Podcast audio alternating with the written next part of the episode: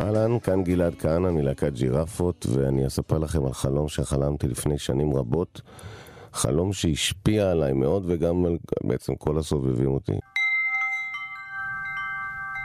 בחלום אני, אני קולט שאני נמצא באמצע המדבר ורץ כמו משוגע כשסביבי יש עדר של ג'ירפות ואז אני מבין שגם אני ג'ירפה ואנחנו רצים כמו משוגעים, ממש במין טירוף כזה שאף אחד לא באמת מסתכל לשני, כולם מסתכלים קדימה ודוהרים אל עבר משהו לא ברור אבל אנחנו רצים ורצים ואז אני רואה שהיעד שלנו הוא לקראת תהום כאילו בלתי עבירה שמשמעותה תהיה מוות ודאי לכל המשתתפים.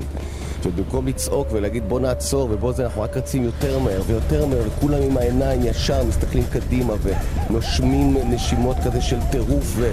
והעיניים מרצדות קדימה, אין, הכל כזה, הכל הולך לקראת התהום ורצים ורצים עד שאנחנו נופלים לתוך התהום ומרסקים אחד את השני וראשים מתנגשים ורגליים נשברות וצווארים וקנקים ואלוהים ישמור, מוות מסיבי של כל עדר הג'ירפות הזה. אני מתעורר כולי מזיע, אני לוקח נייר, לוקח עט ורושם את החלום הזה. קרה לך שהתעוררת באמצע הלילה. הפרווה שלך סרוגה בזיעה. אתה דוהר במדבר לבן בעדר ג'ירפה, כשווה בין שווים. קרה שאיבדת מעלה ככה נכתב השיר בוואן טייק, שכמו החלום הזה שהוואן טייק מדהירה אל המוות, וכך נולד השיר ג'ירפות, וכך בעצם גם נולדה להקת ג'ירפות. וכן, אני מרגיש שחלומות זה, זה הרבה מעבר לאיזושהי התעסקות ביום יום של התת מודע. אני מרגיש שחלומות לעיתים זה ביקור במקומות מקבילים ולפעמים לא פחות רלוונטיים מהרגעים הערניים שלנו ולעיתים הרבה יותר, כמו קיום מקביל בעצם.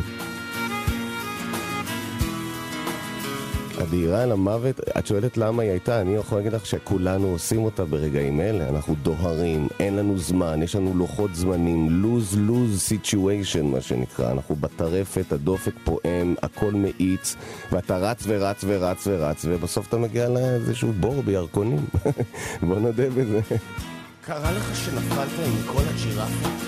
לתהום עמוקה שראית מרחוק, אבל לא יכולת לעצור, כי דהרת. חותך את האוויר.